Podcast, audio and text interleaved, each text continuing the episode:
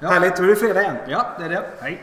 Kul att, eh, kul att ni är tillbaka. Mm. Eh, idag ska vi prata om eh, digitalisering och eh, att vissa företag som eh, lägger ut sin verksamhet på nätet, det kan vara tjänster, man kan sälja någonting.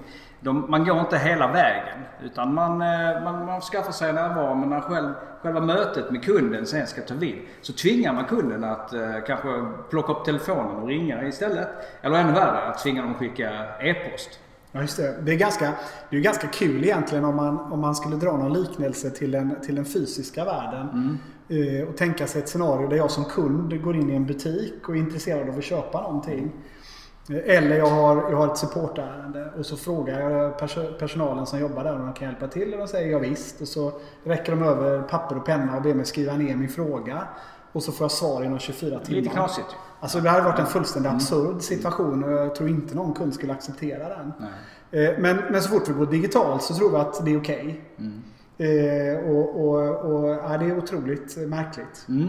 Och vi har ju också andra fördelar. Men om, om man nu tvingar folk att ringa upp en eh, kundtjänst ju, så är det, det är som ett, ett blankt papper där. Att man, den som svarar vet inte vem man pratar med eller var, var någonstans det, det har gått fel. ju. Men däremot om man tar tillvara på det här på, på webben så kan man ju genom produktivitet som vi kommer att prata mer om profilera besökaren. Vad har hänt tidigare? Vad är det som gjorde an, an, anledningen till att man då eh, kontaktar? Är, är det redan en kund till exempel? Man får, har ju så mycket mer data tillgängligt. Så kan det här då gå till rätt serviceagent eller me- medarbetare som, som kan lösa ärendet mycket, mycket snabbare. Ja. Och, och de, flesta, de flesta kunderna som, som, eh, som är digitala, de vill ju sannolikt också stanna digitalt. Och inte tvingas bort Ja. ifrån, ifrån den kanalen. Och Det finns en bok som heter The Effortless Mm, Experience. den rekommenderar Eh, vi. Ja, som är väldigt bra. Och den har, bland annat där presenterar man en undersökning som har gjorts som visade att nästan 60% av alla kunder som ringde in till ett företag, en organisation, hade varit på webben Mm. eller i en digital kanal innan samtalet. Och nästan 40% är kvar online under samtalets gång. Så, det, så det visar ju hur stort egentligen behovet är. Ja, och det får man Att, ta tillvara på. Absolut, istället för att kanske säga att våra kunder vill ringa oss. Ja, och det är kanske inte så konstigt att man säger så, för man har inget annat alternativ. Nej. Du hade också några bra exempel på några större kunder som du har jobbat med. Som har eh, tjänat väldigt, väldigt mycket på att just eh, eh, sätta igång med proaktivitet. Just det. Ja, det. Det som du beskrev lite grann innan där, att man, man, man kan se vad kunden eh, gör för någonting. Man kan se var de är någonstans. Man kan förutspå var de kommer ta vägen. Eh, och man kan givetvis också identifiera om det är så att de stöter på problem och så vidare. Så att, eh, det som vi brukar göra är att vi brukar definiera vad vi kallar ett antal triggers. Triggers. Triggers. Det betyder egentligen att beroende på vad kunden gör och vad kunden tar vägen så, så kan vi välja att proaktivt eh, erbjuda kunden hjälp. Mm. Mm. Eh, och i, I de här fallen så, så har vi koncentrerat det bara till checkout-processen. Det vill säga kunden lägger någonting i varukorgen och kunden går till checkouten. Eh, och det vet ju alla företag som jobbar med, med den typen av försäljning att man har ett ganska stort dropout även i, även i checkout-processen. Men det är lite bara så att, att ni som företaget eh, istället kontakt, tar kontakt med besökaren när besökaren börjar få problem istället för att jag som, som besökare ska behöva kontakta.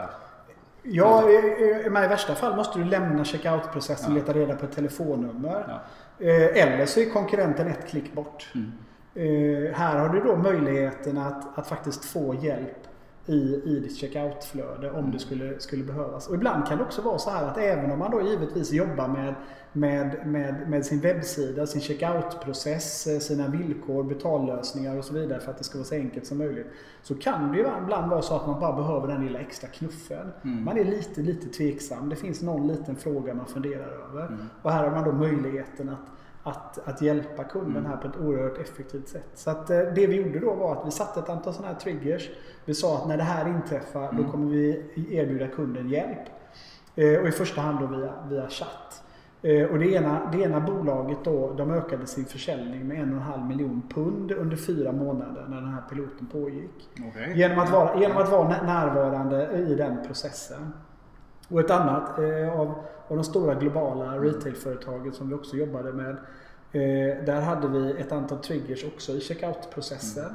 Och där vi tittade på de kunderna som slår i de här triggerserna men som inte får någon hjälp. Mm. Vad är deras konverteringsgrad? Kontra de då som slår i en trigger som faktiskt får Ja, hjälp. Och- fick ni fram siffror på det då? Ja, och det var, det var faktiskt eh, ett, ett otroligt fantastiskt resultat där. De kunderna som slog i triggers och inte fick hjälp, de hade 3% konverteringsgrad. Mm. Det här är inte konverteringsgraden på hela webbsidan utan det är i checkout-processen, Mm, viktigt ja, att säga då. Ja. Eh, Så 3% på de som slog i triggers inte Mm. fick hjälp. 25% på de som slog i en triggers och fick hjälp. Okej. Så det är liksom Ja, ett fantastiskt, eh, fantastiskt business case. Mm. Det är fascinerande att så många företag fortfarande än idag inte har upptäckt Mm. eh, hur man kan nyttja digitaliseringen Mm. faktiskt fullt ut genom att vara närvarande och stötta kunden. Ungefär som man skulle kunna göra i en, i en vanlig, Mm. vanlig butik eller också i ett serviceärende. Mm. När kunden faktiskt försöker hjälpa sig själv att ändå vara där och stötta kanske den sista biten den sista tveksamheten. Ja, eh, jag, jag tror det finns ett stort intresse där ute att kanske titta eh, lite närmare på just något sånt här exempel som check, checkout-processen som är så tydligt. Exakt vilka triggers och sånt som man kunde dra, dra fördel. Så det kan vi prata lite mer om i kanske ett eh, kommande avsnitt. Absolut, det gör vi gärna. Och sen eh, en sak som vi inte ska glömma är ju att det mötet kan givetvis vara att du har en chattkonversation med kunden. Men det kan ju faktiskt vara video med beroende på vad du säljer för tjänster och Mm. produkter. Där det, kanske, där det kanske är lite mer komplexa saker. Och du kan också nyttja funktioner som code browsing. Så du kan Mm. ju visa kunden ett produktutbud som kanske inte känner till.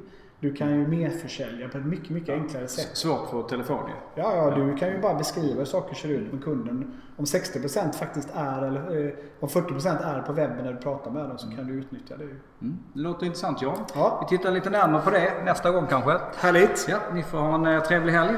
Ha en bra fredag och en helg. Tack Hej! för att du lyssnade. Hej.